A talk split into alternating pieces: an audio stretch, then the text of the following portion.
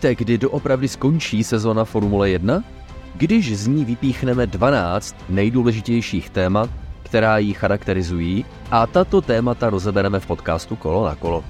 Vybratých 12 nebylo zas až tak jednoduché. Určitě ne proto, že by se témat nedostávalo, ba právě naopak. Ale stanovili jsme si cíl 12 témat, takže rozhodnout o těch, které se do finálové 12 nedostanou, bylo hodně těžké. Přesto věříme, že při poslechu této epizody společně s námi sezónu 2023 opět prožijete a uznáte, že rozhodně byla zajímavá.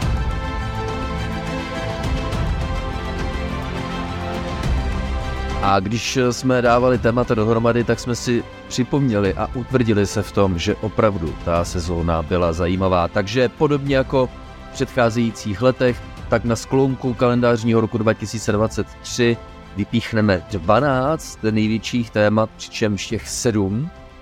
A nemáme je seřazené nějak podle důležitosti. Řekli jsme si, zkusíme to dát do tohoto pořadí.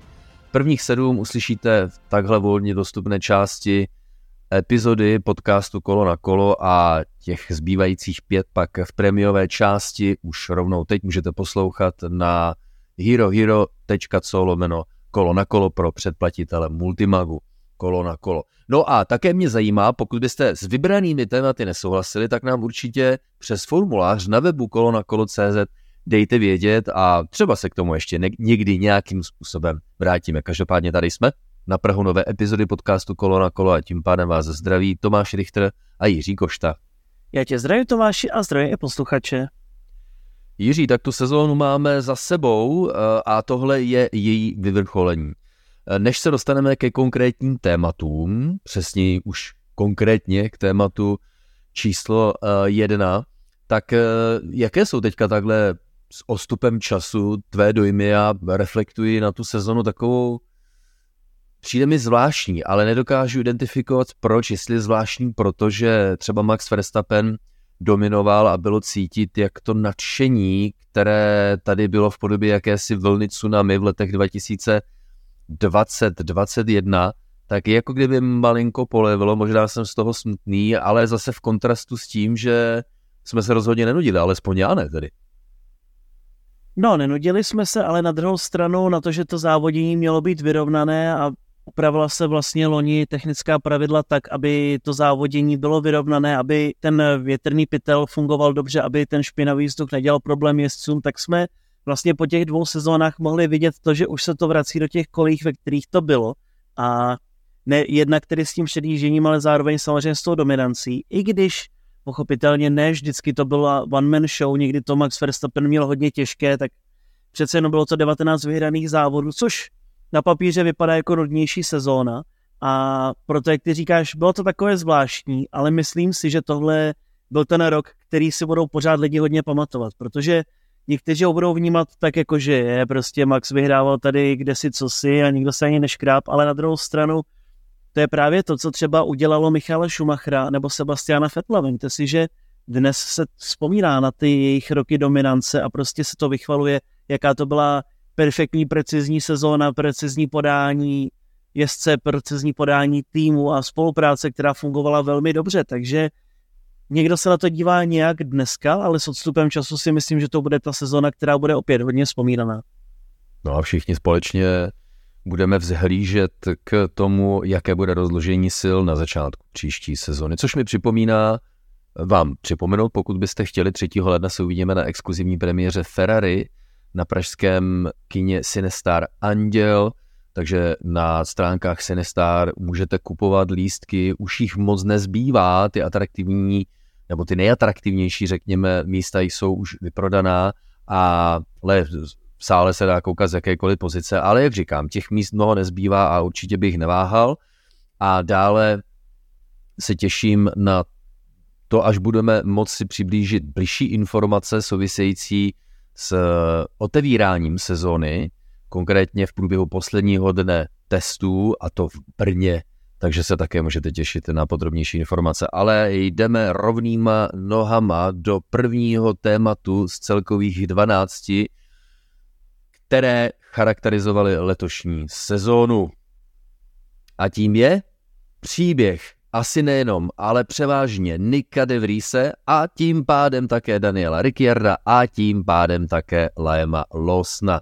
A proč já mám Mirko rád tyhle ty revize na konci sezony, protože když se to děje, to znamená, uh, nastoupil Nick de Vries poté, co úspěšně debitoval při velké ceně Itálie o rok dříve, teď došlo k nějakému emočnímu rozhodnutí ze strany manažerů Red Bullu, dali mu místo, ale pořádně ho sešrotovali. Přišel Daniel Ricciardo, o kterému jsme ani nedoufali, že by se vrátil co do Formule 1, ale také do nějaké formy a jakou roli v tom všem hrál Liam Lawson, tak jsme to určitě všichni prožívali s těmito piloty. Ale jak se na tuhle tu událost, jednu z nejvýznamnějších roku 2023, dívat s odstupem času?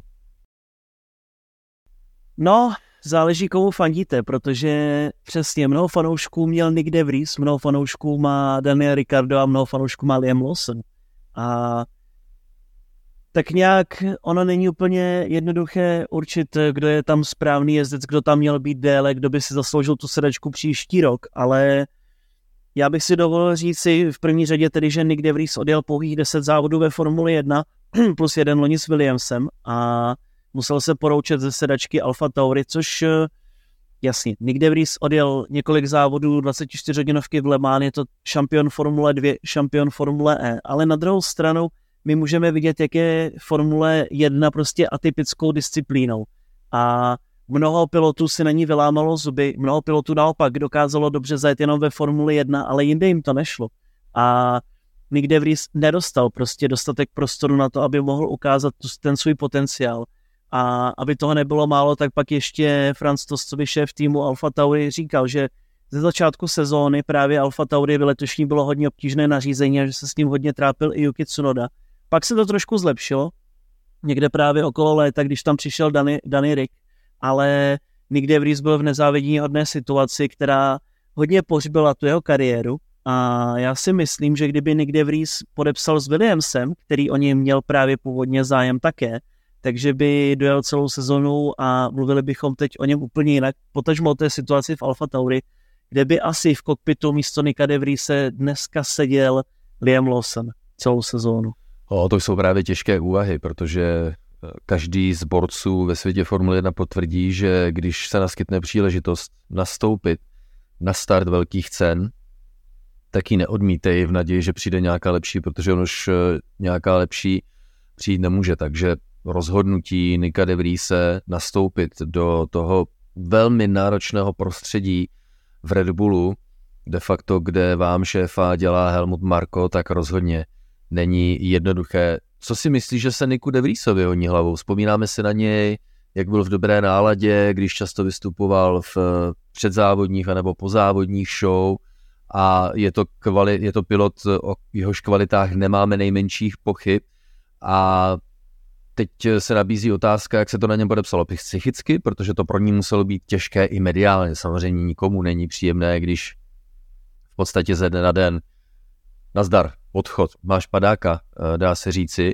tak eh, se pak ještě musíš eh, podrobit smluvním nárokům, že ani veřejně nemůžeš říct, co si o tom všem myslíš. Jo, někde v Rýs pak řadu dní mlčel a pak vydal jedno velmi poslušné prohlášení, kterým děkuje za tuhle tu příležitost a pak pochopitelně odolávat vůbec té mentalitě spojenou s poraněným egem a ješitností, což je věc naprosto nevyhnutelná. Každopádně Jirko Rýs už má potvrzené plány, tak kde se na něj můžeme eh, těšit a jestli si myslíš, že už se z toho rychlého adresného rozhodnutí Red Bullu eh, otřepal. Já si naopak myslím, že Nick DeVries dosáhl více, než on sám čekal, protože on už tak nějak tu svoji naději na Formule 1 uzavřel, ale nakonec to dopadlo. A když to bylo tedy hodně krátké, tak si splnil sen. A jak ty říkáš, má tedy podepsané dva programy na příští rok, protože bude závodit ve Formuli S Mahindrou a s Toyotou bude závodit právě v WEC, v těch Hypercars. A to jsou vlastně dva projekty, které byly původně v plánu už pro letošek. Mick Debris měl právě závodit už letos původně z toho místo Pečita Lopéze a měl jezdit uh, u Maserati, tedy ne u Mahindry, ale u Maserati ve Formuli E. Takže ona se pro něj tak nějak nic moc nezměnilo. Trošku se zaskočil, byl to pro něj takový nakonec eh, dovolenkový rok, protože měl půl roku volno po těch deseti závodech, takže se mohl trošku mentálně oklepat, trošku se zpamatovat a já jsem hodně zvědavý na to, co předvede, ale myslím si, že pojem nikde v Rees bude v motorsportu pořád hodně skloňovaný a vemte si třeba Antonia Giovinazzi, který ve Formuli 1 odjel tři sezóny, byl hodně neviditelný, ale také to bylo dáno tím, že Alfa Romeo, respektive Sauber, neměl úplně dobrý vůz a teď je to vítěz 24 hodin v Le Mans Ferrari, takže klidně podobný osud může čekat De Vriese a Formule 1 je sice vrcholem motorsportu, ale na druhou stranu nikde v Vriese ještě může užít hezkou kariéru.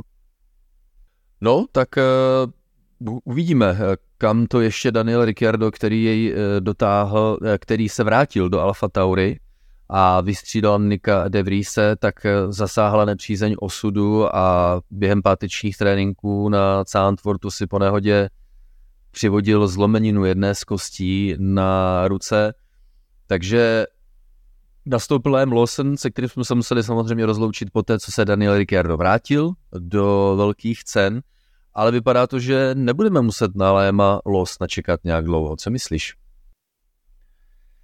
Hele, těžko říct, uvidíme. tam, je to, tam je to velký problém, protože on má údajně Liam Lawson slíbenou sedačku Alfa Tauri pro rok 2025. To řekl Helmut Marko, že ať se stane cokoliv, takže v roce 25 bude Lawson určitě jezdit ve Formuli 1. Jenže pak to zase bylo popřeno Christianem Hornerem, který říkal, že nikdo nemá nic jisté a že se bude muset ještě Lawson snažit a že prostě mají stále mnoho juniorů, kteří ho můžou klidně překonat. Takže Lawson je v ošemetné situaci. Letos závodil kromě Formule 1 i v japonské superformuli, kde tak tak přišel o titul, ale nebude pokračovat v té formuli japonské další rok. Do Formule 2 se vracet nebude, takže on nemá kde by jezdil. V Hypercars ho aktuálně nikdo nezaměstná, protože je pod Red Bullem, takže Lawson je na střídačce, podobně jako třeba Felipe Drugovič, co by loňský šampion Formule 2 a čeká se, co bude. Takže Lawson by mohl naskočit do Alfa Tauri, možná do budoucího Racing Bulls místo Daniho Ricarda, který by třeba mohl jít výše do Red Bulla, nebo by mohl být sesazen úplně, ale tam je to taky jedna velká nejistá věc.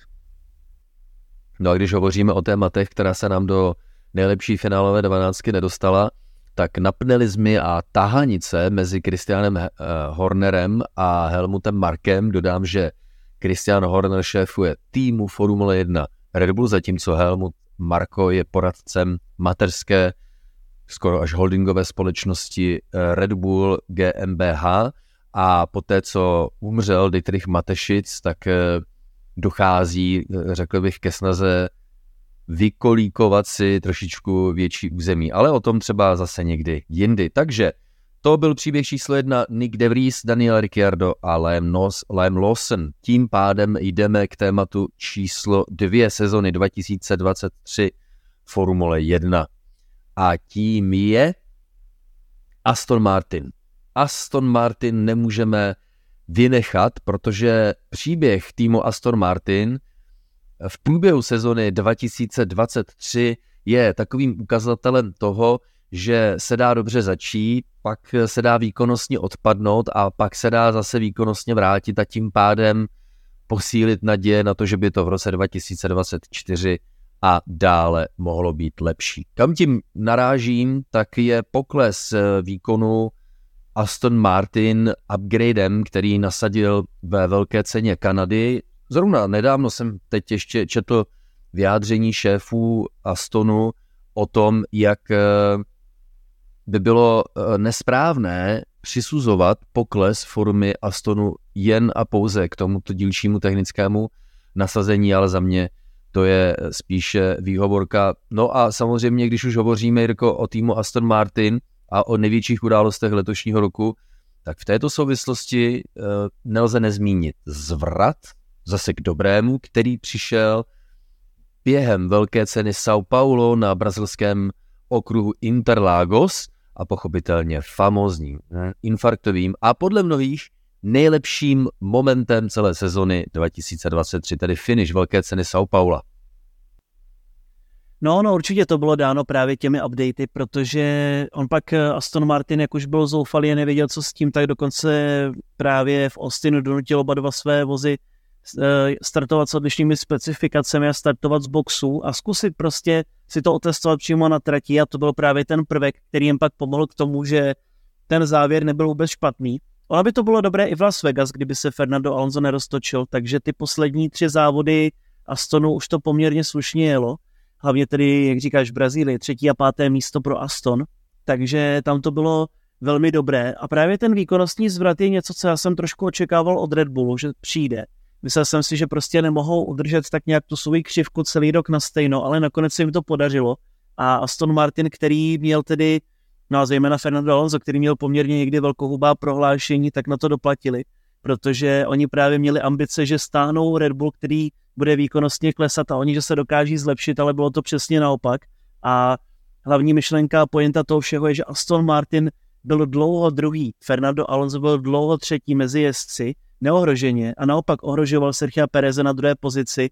No a nakonec to dopadlo tak, že Aston Martin skončil celkově jako pátý a Alonso hodně s odřenými uchy až do krve, tak na čtvrté pozici.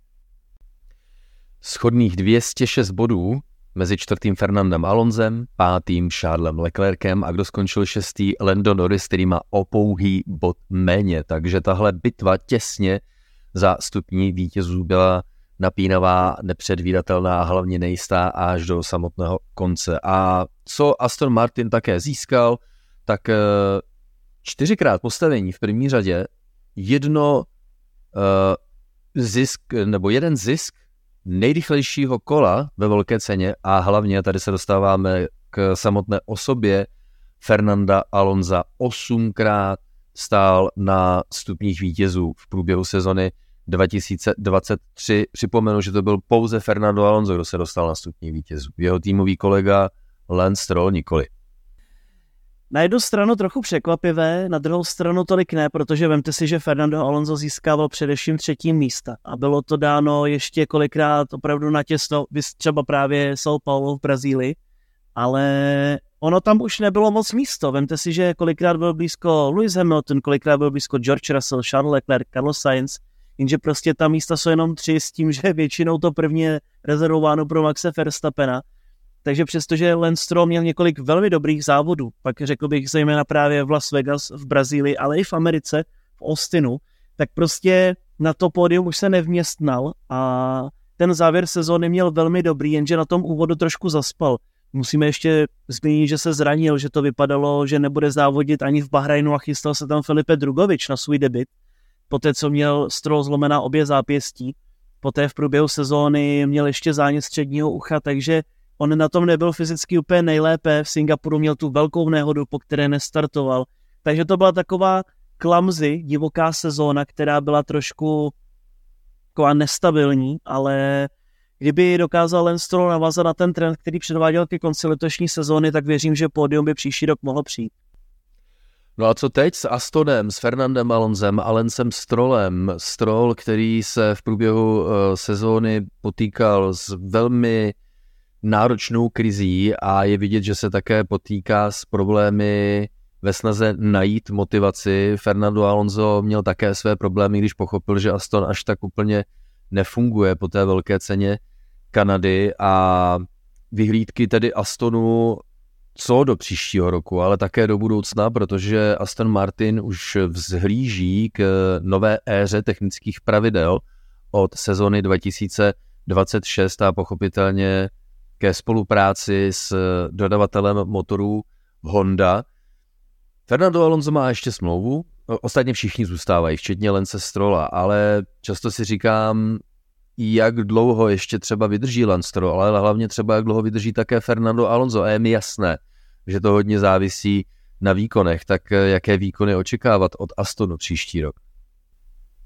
Tady ještě, co se týče té jezdecké sestavy, tak je podle mě problém v tom, že to je neudržitelné, protože uh, Fernando Alonso, dejme tomu, že tam třeba bude přesluhovat a že skončí v sezóně 2026, kdy přijdou ta nová technická pravidla. V tom případě potřebuje Aston Martin někoho, kdo povede ten tým, protože Lance Stroll lídr týmu není. Prostě to jsme si ověřili, že to prostě takhle nejde. A i když Fernando Alonso se snažil trošku dokopat do té pozice, aby to po něm převzal, tak to asi úplně nevíde. Takže nastává otázka, jak tohle musí Aston pojmout, protože Lance Stroll, i když umí zajet výsledek, tak prostě není kandidátem na titul a není ten championship materiál. Takže musí Aston Martin přemýšlet, co s tím, jestli není lepší třeba Alonza prodloužit jenom na jednu sezonu do konce roku 25 a pak prostě se chystat na ta pravidla od roku 26. Tohle období už bude takové přechodné. Ono možná v té sezóně 25 se dotáhnou všechny týmy na Red Bull a bude to opět eh, vyrovnané, protože to bude konec těch technických pravidel, když se zároveň nebude kam moc posouvat a zároveň eh, samozřejmě už se týmy budou chystat na ta nová pravidla. Takže tam příležitost bude. Jenže samozřejmě někdo musí to auto vyvíjet, takže potřebujete piloty, kteří budou pracovat na tom vývoji, což určitě teď Alonso dělá poslední rok. Poslední rok. Bude určitě pomáhat v tom vývoji i pro rok 2026, takže Aston potřebuje hlavně vyřešit tuhle sestavu jezdeckou, jak s tím naložit. Jestli skutečně třeba nebude lepší Lance Strolla donutit k tomu, aby odešel a dali tam někoho stabilního, kdo buď bude vozit pravidelně výsledky, nebude dělat takové nehody, anebo prostě bude třeba mít potenciál na to, aby získal titul. Do Astonu Martin přijde Honda a hodně se hovoří o tom, že budou chtít právě nasadit Yukiho Tsunodu. No a co v takovém případě? Protože podle mě ani Yuki Tsunoda není úplně uh, potenciál na to, aby bojoval o titul. Takže Aston Martin bude muset v první řadě hlavně vyřešit právě, jestli pokračovat s Alonzem a se Strolem a na tom to bude všechno záviset ty další roky. No, těším se na léto a závěr léta příštího roku, protože v podstatě třem čtvrtinám pilotů končí smlouvy právě se sezonou 2024, takže jsem přesvědčen o tom, že poté, co nedochází k jediné jezdecké změně s přechodem z roku 23 na 24, tak oproti tomu příští léto by mohlo být zajímavé. Ale zaujala mě jedna z tvých myšlenek, eh, že by měl někdo donutit Lence Strola odejít. Já si myslím, že by měl někdo přesvědčit Lorence Strola, aby nechal Lence že on tam podle mého názoru jako ani až tak úplně sám od sebe být nechce. Ale Aston je pro mě tým s velkým otazníkem a ostatně jsme to naznačili už v úvodu této části, bude hodně záležet na výkonech. Aston Martin staví a ještě pořád bude stavět eh, novou továrnu, to znamená, dochází k velkým investicím, tým také eh, prodává části svých akcí nebo podílů jiným firmám, ohlíží se eh, po týmu také velké firmy ze středního východu, spolupráci s Hondou jsme zmiňovali.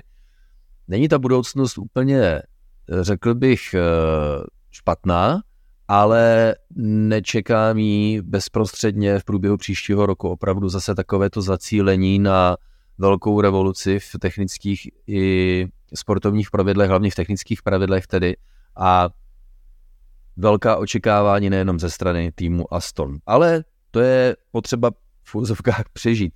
Ještě dvě sezony 2024 a 2025.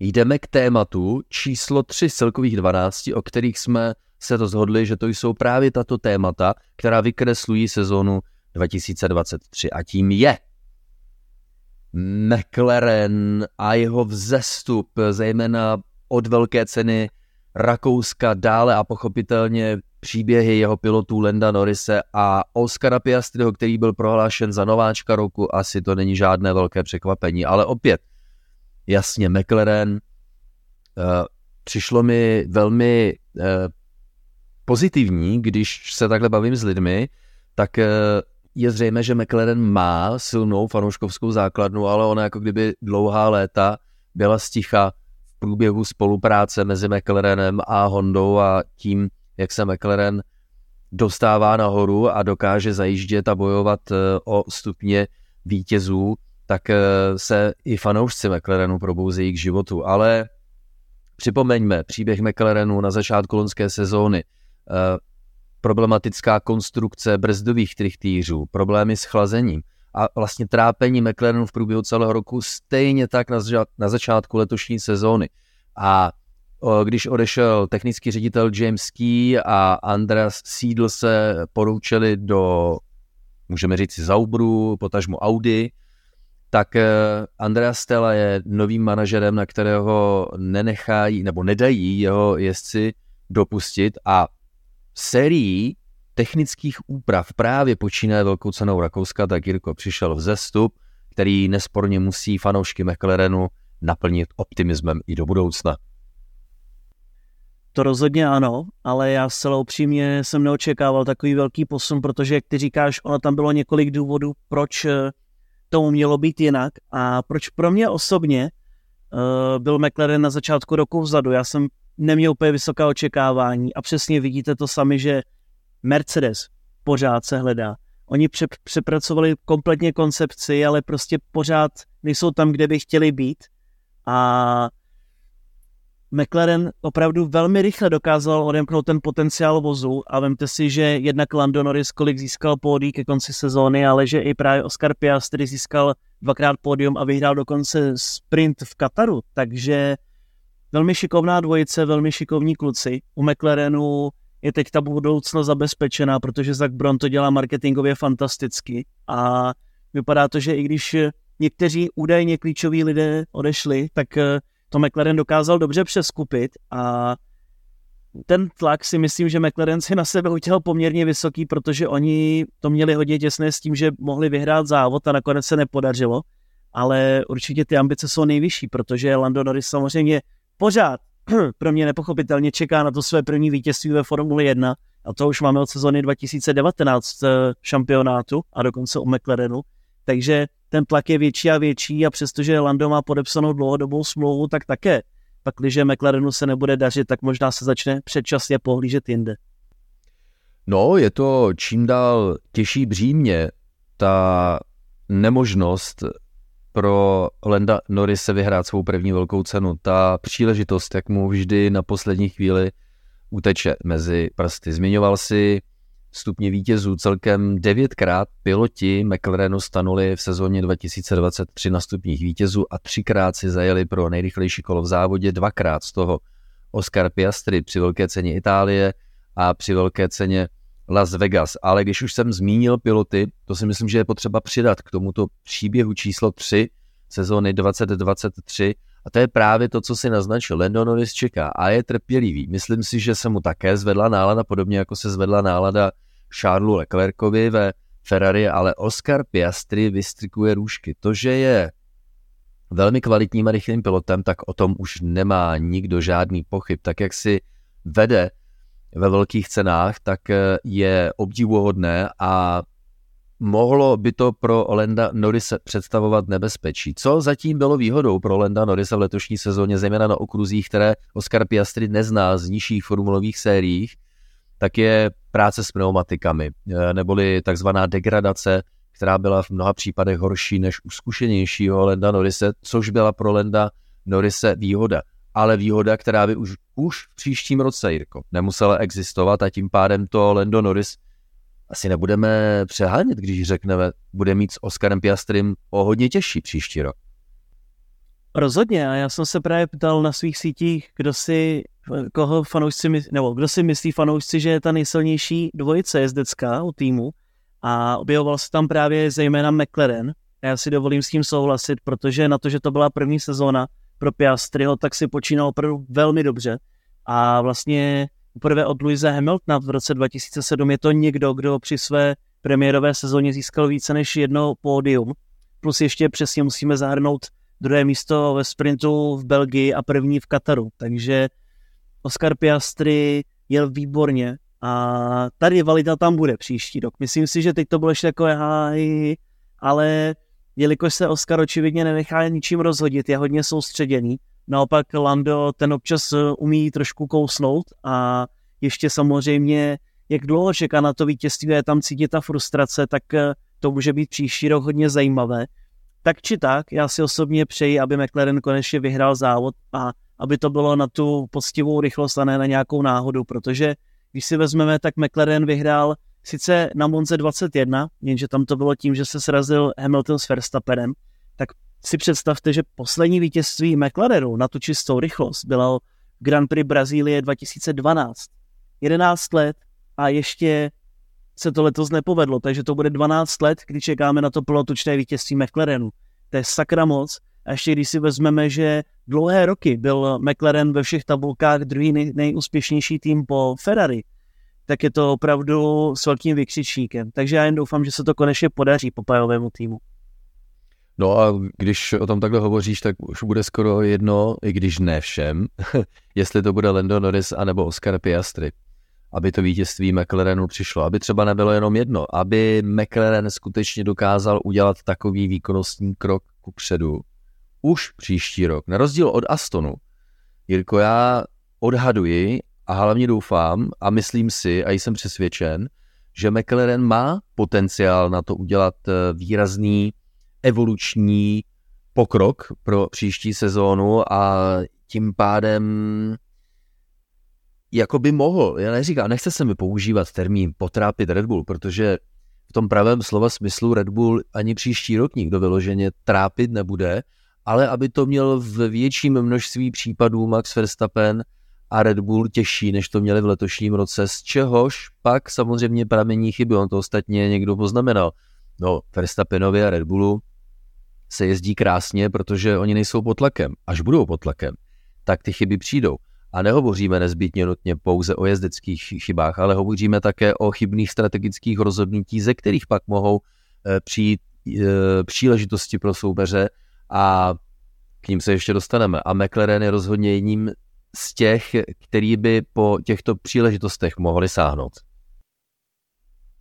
Mě to hlavně připomíná právě Mercedes v těch jejich dominantních letech, protože přesně Luis jel na pohodičku, za ním někdy Niko, za ním potom někdy Valtteri, záleží v jakém to bylo roce a zbytek.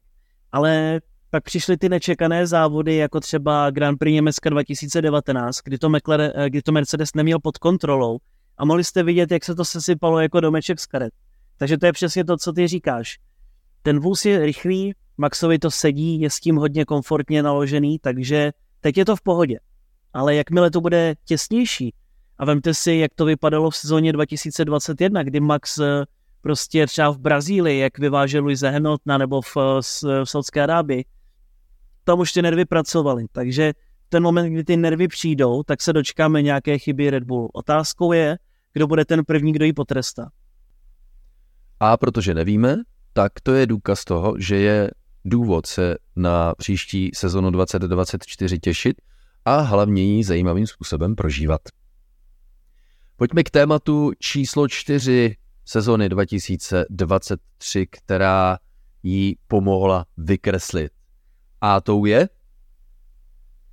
Las Vegas, závod ve městě, ve kterém údajně nikdo nespí. Už jsme se přesvědčili, že to není pravda a byl tím zbořen jeden z mýtů. Ale nejenom Las Vegas samo o sobě, protože si myslím, že jsme o Las Vegas toho napovídali, ale jako tuny a pokud by se vám zastisklo po, anebo jste to třeba neslyšeli, tak si určitě poslechněte Insta Pockets po velké ceně Las Vegas, kde jsme to rozebrali ve velkém, zase opět s odstupem času. A líbí se mi, že někteří pragmatičtí lidé tomu, tomu takto přistoupili. Eh, musím říct, že tam zejména mediální hysterie a zejména britští, kontingent britských novinářů mi přijde, že je emočně nějak nestabilní.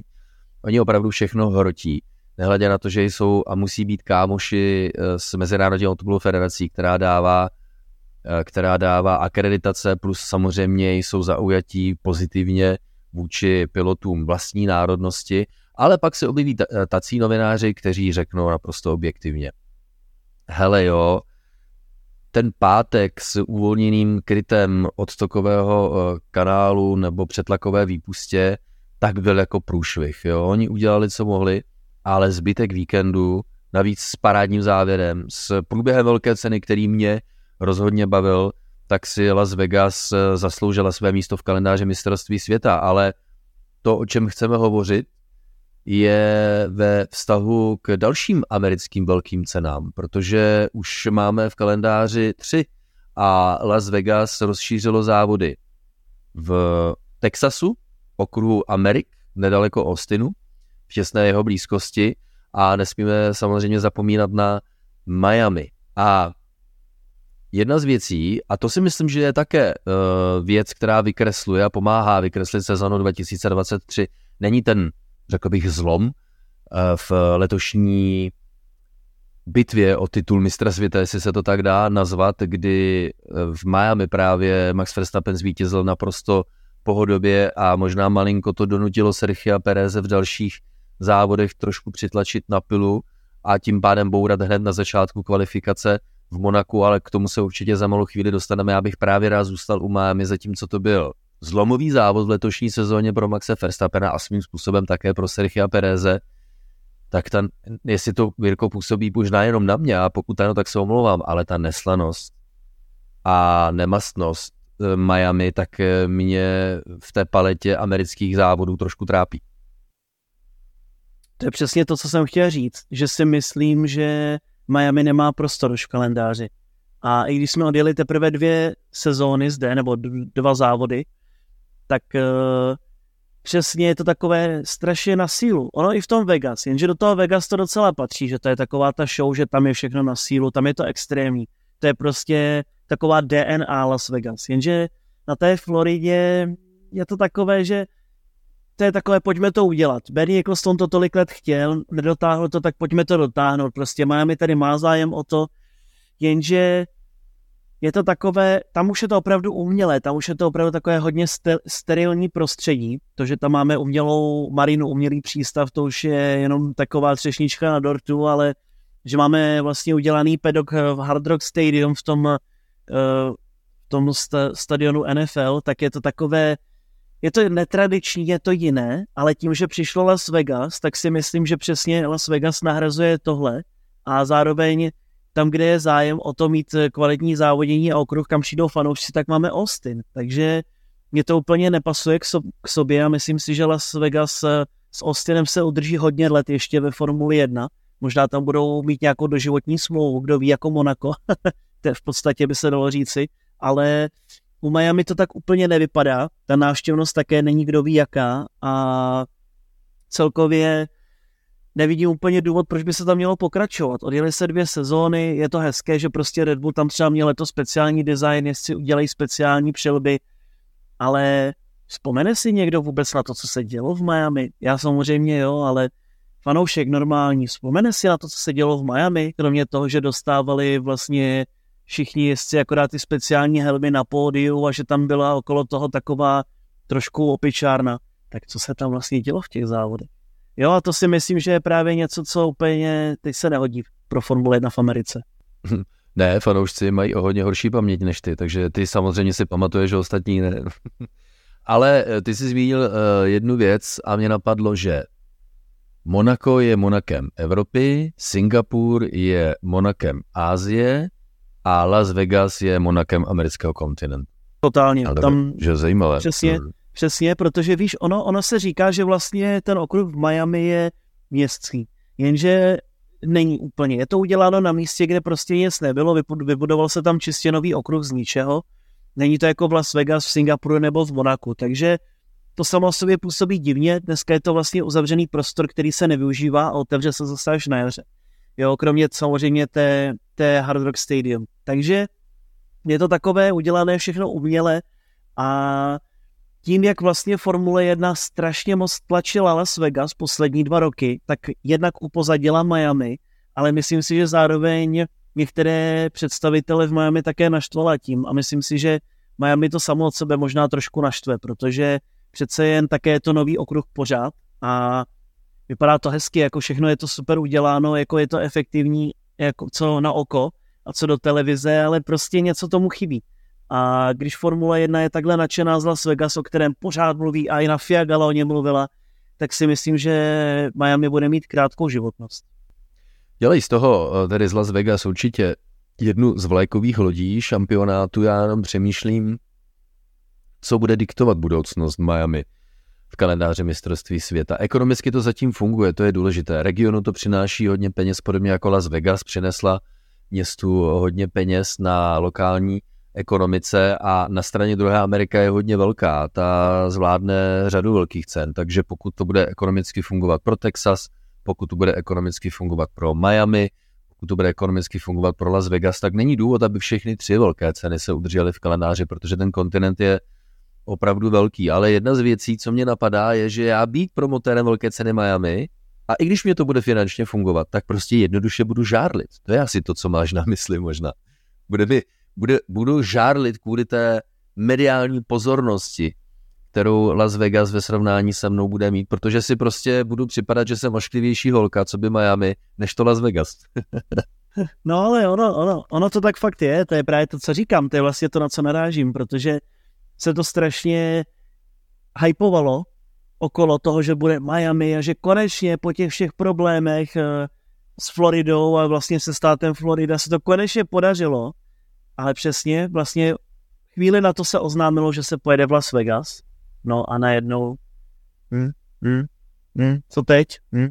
Žádná doprovodná série tam není, jo, Formule, Formule 2, Formule 3 tam asi nezavítá, je to takové prostě těžké, no. Je to je prostě Miami v hodně těžké situaci a myslím si, že přesně samo sobě tam asi nebude do toho chtít dávat peníze. Dokud to bude vydělávat, tak asi jo.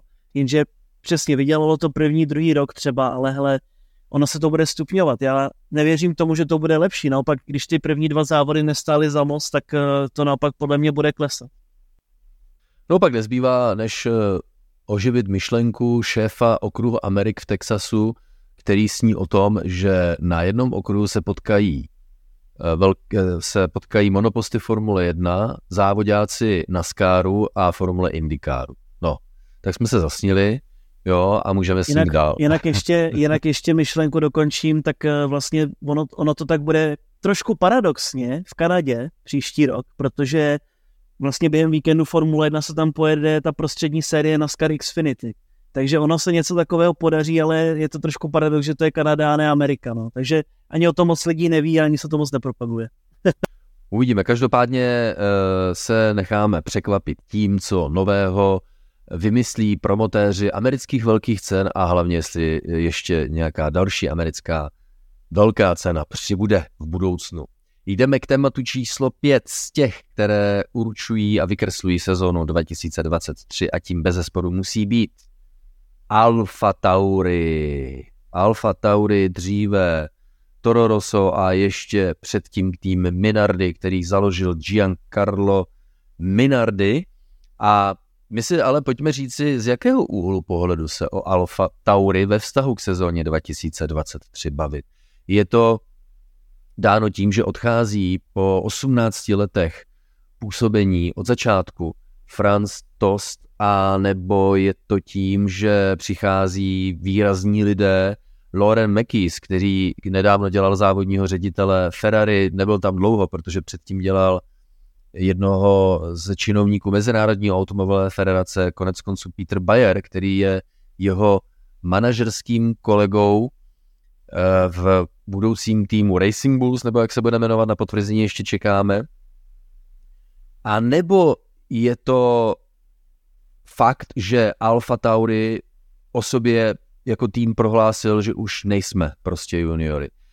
Nebo je to fakt, že po té, co Red Bull dlouho zvažoval, že tým Alfa Tauri prodá, tak se nakonec rozhodl, že ho neprodá, že si ho nechá, ale pojede úplně maximálně na synergickou spolupráci, tak jak to podobně dělají týmy Ferrari a Haas. Část manažerského týmu přestěhuje z Faenzy do Velké Británie, tak aby ještě víc využil synergii se společností Red Bull Technology, která v podstatě supportuje oba dva týmy, jak Red Bull, tak Alfa Tauri a ve firmě Red Bull Technology ve skutečnosti pracuje Adrian eh, Newey, protože tahle záležitost se totiž už stihla projevit v samotném závěru letošní sezóny, sezóny 2023, nasazením nových úprav, zejména prostřednictvím nové úpravy do velké ceny USA. Teď si vemte, že zatímco Alfa Tauri vzalo pouze jeden bod v Austrálii, další jeden bod Alfa Tauri získalo v Azerbajdžánu, pak dlouho, dlouho nic, pak v Belgii jeden bodík, pak dva závody zase nebudoval a pak v Singapuru dva bodíky, přičemž závody v Japonsku a v Kataru se obešly bez bodu, no a pak přišla velká cena USA, to znamená pět závodů do konce a ve čtyřech, Jirko, z těchto pěti závodů bralo z ničeho nic Alfa Tauri. Pět bodů, šest bodů, pět bodů a čtyři body z Abu Dhabi. Něco, eh, co ostatní manažeři konkurenčních týmů nesou velmi nelibě. Oni to nesli velmi nelibě, i když přišel Haas do Formule 1, protože tím, že Haas odkoupil všechno, co se dalo od Ferrari, tak právě začali být hodně, být hodně silní hned na úvod té své kariéry ve Formuli 1. A není se čemu divit, protože ono je to pravili dovoleno a vy toho můžete poměrně hodně použít od toho vašeho hlavního týmu. Což já osobně se divím, že to Alfa Tauri nevyužívalo více ty poslední roky a že si šlo tak nějak tvrdohlavě po svém, protože Uh, pořád jsou věci, které si musí Alfa Tauri samozřejmě udělat samo, ale myslím si, že z velké části je schopno postavit repliku Red Bullu. Takže to auto klidně může být eh, top 5 mezi týmy úplně hravě. A sice teďko jsou taková, taková ta zdvižená obočí, že jako hele, jak to, že se jim teďko tak daří a hele, jak to, že mají tohle podle Red Bullu a hele, hele, hele. Ale na druhou stranu on to může být docela vážný problém a když to předběhnu, tak tím, že tam bude příští rok Daniel Ricardo, který ukázal, že pořád eh, někdy umí zajet dobré závody, tak eh, si myslím, že jakmile by se třeba stalo, že Alfa Tauri bude na pódiu, tak věřte, že se nám tady schyluje k další velké kauze a bude se to vyšetřovat a bude se to prošetřovat, jak velká byla ta spolupráce a jestli tam nebyl nějaký únik dat, jestli to bylo v rámci těch vlastně hranic, které tým má vůči tomu svému dodavateli, anebo ne. Takže já se obávám, nebo očekávám hlavně, obávám se taky, ale očekávám, že tohle bude jedna z afer příští rok. Alfa Tauri, ať už se bude jmenovat příští rok jakkoliv, tak budeme muset určitě bedlivě sledovat. A právě know-how z prostředí Mezinárodní automobilové federace v podobě novou, dvou nových manažerů, kteří nahrazují France Tosta, tak by se Red Bullu mohlo náramně hodit, protože oni v tom asi nějak budou umět chodit. Ještě před koncem letošního roku došlo k situaci, na kterou FIA musela reagovat a musela v podstatě ubezpečit eh, veřejnost, že ne, ne, ne, jako všechno v pořádku, my na to dohlížíme. Vlastně na co, pojďme připomenout, eh, týká se to duševního vlastnictví. Ve Formule 1 si totiž každý tým musí, zjednodušeně řečeno, to, co pokrývá vzduch, tedy mm, to, co je, eh, co přichází do kontaktu s vzduchem při jízdě formule, tak si každý tým musí konstruovat a vyrábět sám, respektive na to musí mít a vlastnit duševní vlastnictví. Dá se totiž uh, stavba šasy a jeho konstrukce outsourcovat. Dělá to tak například Haas u Dalary, ale v takovém případě pak už Dalara nesmí podobné know-how dodávat eh, nikomu jinému, což de facto znemožňuje, de facto znemožňuje jedné subdodavatelské firmě navrhovat a dodávat šasy dvěma různým týmům. Ale to je přesně to, na co se firma Red Bull Technology chystá. Už jsme to tady jednou měli, když jsme měli Super Agury jako juniorku a Hondy eh, právě když eh,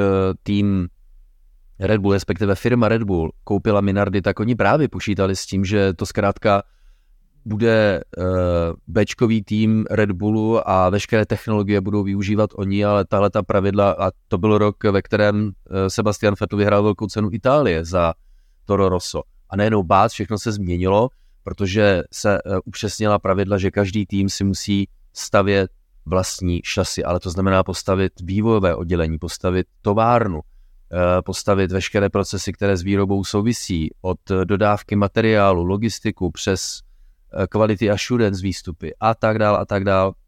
Bylo to hodně náročné období pro Dietricha Matešice, ale nějakým způsobem to zvládli a teď, jako kdyby se to samozřejmě v rámci, na to si musí dát Red Bull pozor, tak aby se to v rámci pravidel zase vrátilo zpátky k té maximalistické spolupráci mezi Red Bullem a Alfa Tauri. A připomenu ještě jednou, že nám vlastně tímhle způsobem ve velkém končí ta éra týmu s fanzy, protože manažerky, manažersky chce, aby Red Bull, aby tým Alfa Tauri byl eh, řízen z Milton Keynes, tedy ve stejném, nebo ze stejného města, ve kterém sídlí Red Bull. Takže, jak říkáš, jak předpovídáš, tohle bude jedna z největších story eh, příští sezóny určitě. Ještě si musíme pořád počkat na to, jak se také bude tým jmenovat, což pro mě osobně je trošku ale zvláštní rozhodnutí, protože když už se konečně zavedl ten název Alfa Tauri, tak se to opět bude měnit. A je zvláštní, že to opravdu z největší pravděpodobností bude Racing Bulls a ne Racing Bull, třeba když máme Red Bull, což je samo sobě takové zajímavé, ale hodně fanoušků říkalo, proč nevrátit Toro Rosso, A za mě osobně je to třeba něco, co bych radši také viděl, protože ta hodnota názvu Toro Rosso je pořád velká, dalo by se to marketingově určitě daleko lépe prodat než Racing Bulls, takže to je ještě takový malý dovětek k tomu všemu, co nás čeká příští rok. Hlavně absence jakékoliv kreativity v případě, eh, v případě očekávaného názvu dnes týmu Alfa Tauri a předtím Toro Rosso, ale zvykli jsme si na Racing Pointy, tak si asi zvykneme na Racing Bully příštím roce, jakkoliv hokejově to teďka zaznělo. Pojďme dál v tématech, která vykreslují sezonu 2023 a čeká nás téma číslo 6. A tím nemůže být nikdo jiný, bohužel, než Sergio Pérez. Sergio Pérez a když jsme se připravovali na tenhle podcast, tak jsem si pustil ze záznamu rozhovor po jeho vítězství v Azerbajdžánu, kdy, kdy Sergio Pérez hovořil o tom, že no tak jasně, že bych nejezdil po celém světě a nestartoval do velkých cen, kdybych nevěřil, že mohu získat titul mistra světa. Tenkrát eh, to byly snad rozdíl tří bodů mezi Sergiem Perezem a Maxem Verstappenem. Pak ale přišla velká cena Miami. A mimochodem, to bylo právě v Baku, který, eh, které Sergio Perez vyhrál v závodě, ve kterém se Max Verstappen hledal navíc ještě v průběhu sprintového víkendu, takže on ladil a poznával nastavení svého auta až v nedělní velké ceně. A podle vlastních slov poznal, jak eh, si porozumět se svým autem. A od té doby se to zlomilo.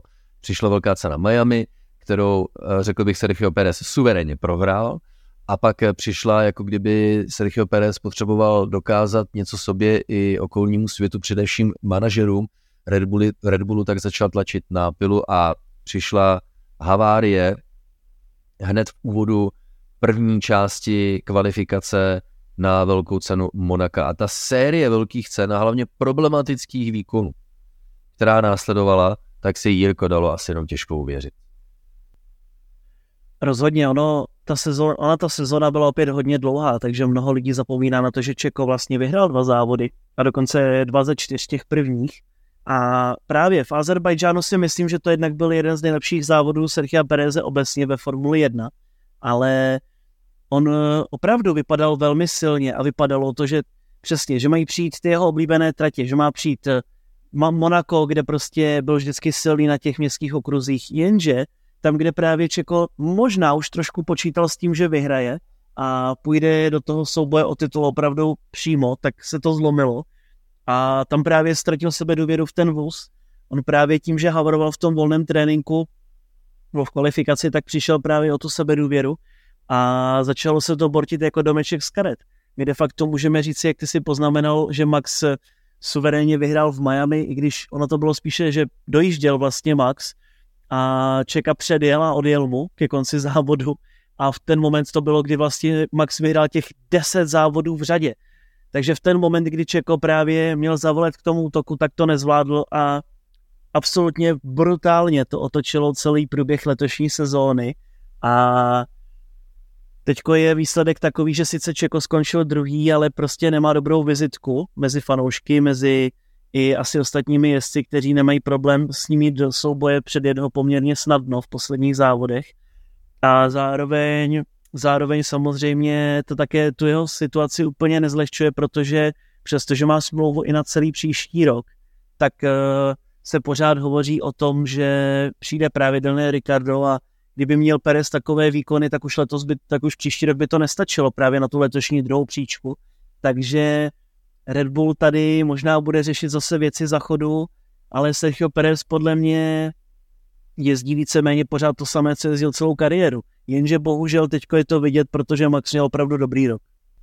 Alex Albon se nechal slyšet, že na základě dat, která má k dispozici, zejména ze simulátorů, tak ze všech pilotů byl nejblíže výkonnostně Maxi Verstappenovi, tedy blíže než sám Sergio Perez, u kterého ta krize, kterou jsme zmínili, tak eh, začala při eh, kvalifikaci na velkou cenu Monaka paradoxně rok poté, kdy tam Sergio Perez se záměrně roztočil zatáčce Portier, a znemožnil Maxi Verstappenovi se zlepšit, což ten mu pak dal sežrat v závěru velké ceny Brazílie ještě té dané sezóny. Sergio Perez, který získal 285 mistrovských bodů na konci roku, A kdybych měl dvojnásobek, tak by to na Maxe Verstappena nestačilo eh, o pět bodů. To znamená, Max Verstappen po hříchu můžeme říci, že se ziskem 575 bodů by sám vyhrál pohár konstruktérů, protože druhý Mercedes má bodů 409 a třetí Ferrari bodů 406. Ale poslední věta, nebo myšlenka k Sergio Perezovi, protože jsme ji už naťukli několikrát. Jak dlouho Sergio Perez kokpitu Red Bullu v příští sezóně vydrží? No, to je právě ta otázka, protože já už jsem to načal dvakrát, tak to po třetí zakončím úplně definitivně, ale Sergio Perez je pro Red Bull strašně důležitý marketingově, protože oni Red Bull by, Red Bull by rád uvítal amerického jezdce, američana čistě. Mají tady mexického jezdce, ale pořád se jim to neskutečně vyplatí, protože marketingově je Čeko hodně silný. A údajně až nějakých 80% věcí z Red Bull shopu cestuje právě do Mexika a na americký kontinent. Takže je to pro ně hodně důležité, že Max pokrývá právě tu Evropu, Čeko, Ameriku. A to jsou takové ty další věci, i co se týče právě třeba Oracle, který je hlavním partnerem a těch sponzorů, co Red Bull potřebuje. Na druhou stranu Daniel Ricardo, přestože je Australan, tak uh, má také americký kontinent jednoznačně pod palcem a Red Bull ho právě hodně využíval na promo aktivity v Americe. Takže nejenom, že oba dva jsou tak nějak výkonnostně na tom dost podobně, ale ono i tom, co se týče toho marketingu, tak jsou si velmi blízko. A to je právě něco, co si myslím, že Red Bull hodně hlodá, protože oni, ani jeden z těch jezdců, co se týče Čeka, ani Daniela, nikdo nemá nějaké velké plus navíc nebo minus navíc. Oni jsou si hodně podobní aktuálně v těch svých eh, fázích kariéry, takže Red Bull to zatím nechává takhle být a čeká. Podle mě čeká jenom na to, jestli Čeko vyloženě nějakým způsobem vyhoří, protože určitě existují nějaké klauzule ve smlouvách, které samozřejmě se nikdo nikdy nedozví, protože to je hodně poctivě hlídáno, ale určitě tam existuje nějaká výkonnostní klauzule, to je prakticky v každé závodní smlouvě, co existuje. Takže určitě se čeká na to, jak to bude se Serchiem, ale věřím tomu, že tam to nebude výměna jezdců, že by šel Čeko do Alfa Tauri lomeno do Racing Bulls, ale myslím si, že tam už by to bylo skutečně tak, že Čeko ven, Daniel na jeho místo a Liam Lawson do Alfa Tauri. No a takhle hovoří i zákulisní informace. No tebe nepředstav si, že jdeš do nové sezony 2024 závodit s nožem na krku. Jak ale... to jako pomůže tvému výkonu? Rozhodně, rozhodně, ale ono, ono už to bylo, teď to bylo takové hodně na hraně. Já si myslím, že by se to také všechno řešilo jinak, kdyby Čeko tu druhou pozici celkově neudržel.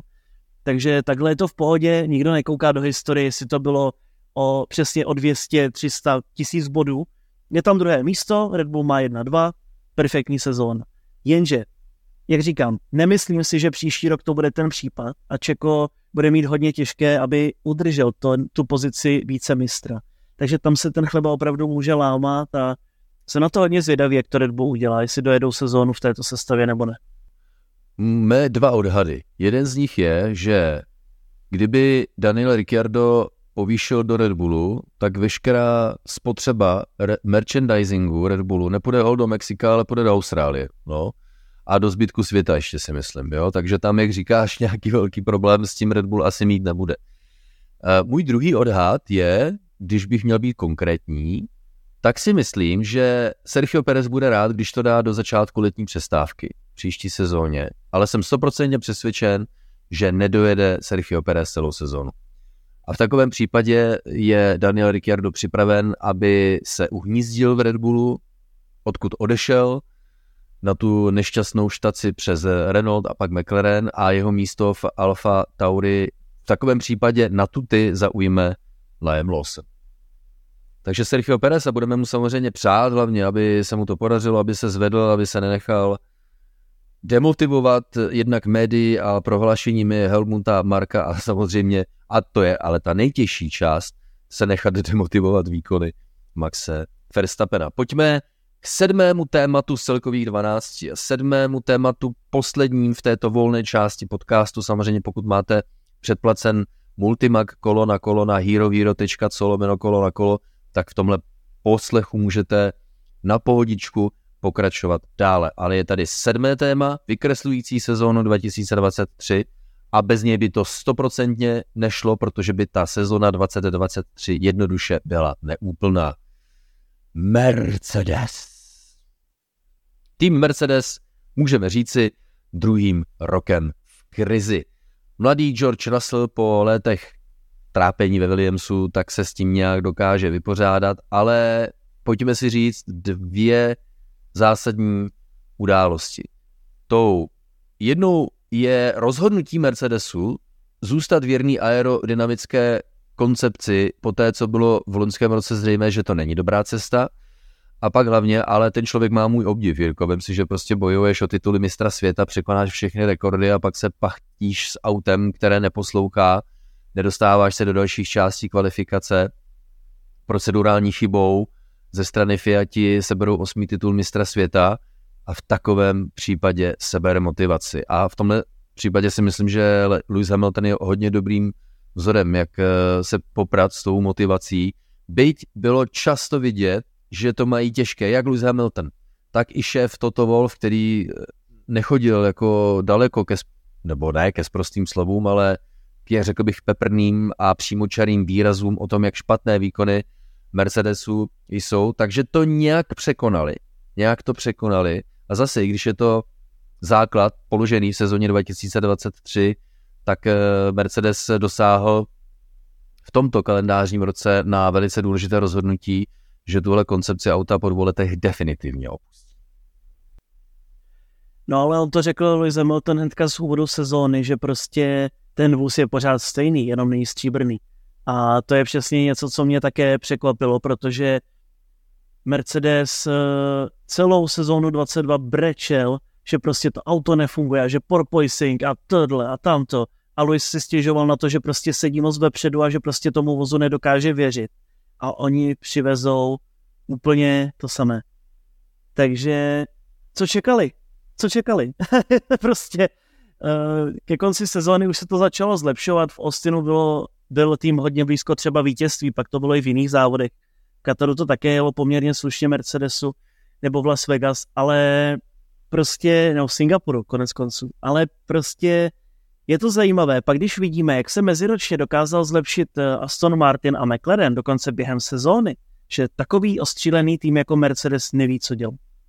A nevypadá to, že by věděli, co mají dělat. To je ten problém, protože oni nějaké to vylepšení tu a tam něco málo přivezli, ale vlastně v Monaku, nebo původně do Imoly měli B specifikaci, tak do Monaka přivezli B specifikaci s těmi širšími bočnicemi, upravené přední zadní křídlo, zavě, styl zavěšení se změnil, ale ve finále vlastně Mercedes úplně tak nějak neví, je to spíše kopírování, než že by sám měl nějakou revoluci. No a vem si, že u Mercedesu je to krásný příklad toho, že když seš pod tlakem, tak můžeš dělat neříkám nezbytně nutně chybná rozhodnutí, ale určitě se dostaneš do situace tak komplexní, že ti to dokáže zpomalit. A my dneska můžeme prozradit zákulisní informace, že uvnitř Mercedesu, neříkám, že se hádali vyloženě, ale panovaly tam rozdílné názory, jestli opustit koncepci z roku 2022 a dát se novým směrem, anebo zůstat a ujistit se, že je to opravdu chybná cesta, nepanikařit, eh, a pozbírat další data a zkusit odemknout potenciál, které mu mnozí v Mercedesu, tomu uh, konceptu z roku 2022 uvěřili. Takže mnohdy to byla i napjatá atmosféra v ostrém kontrastu s tou pohodovou atmosférou, která nesporně panovala u týmu Mercedes, když pohodlně vyhrával. Stejně tak jako pohodová atmosféra panuje u týmu Red Bull, když pohodově vyhrává a nemusí to být úplně pohodová atmosféra, až se zase třeba dostane pod tlak. No, George Russell tam, on čeká na svou příležitost, ale co s Lewisem Hamiltonem dál, protože mi přijde, že on se nechce prostě vzdát té myšlenky, že získá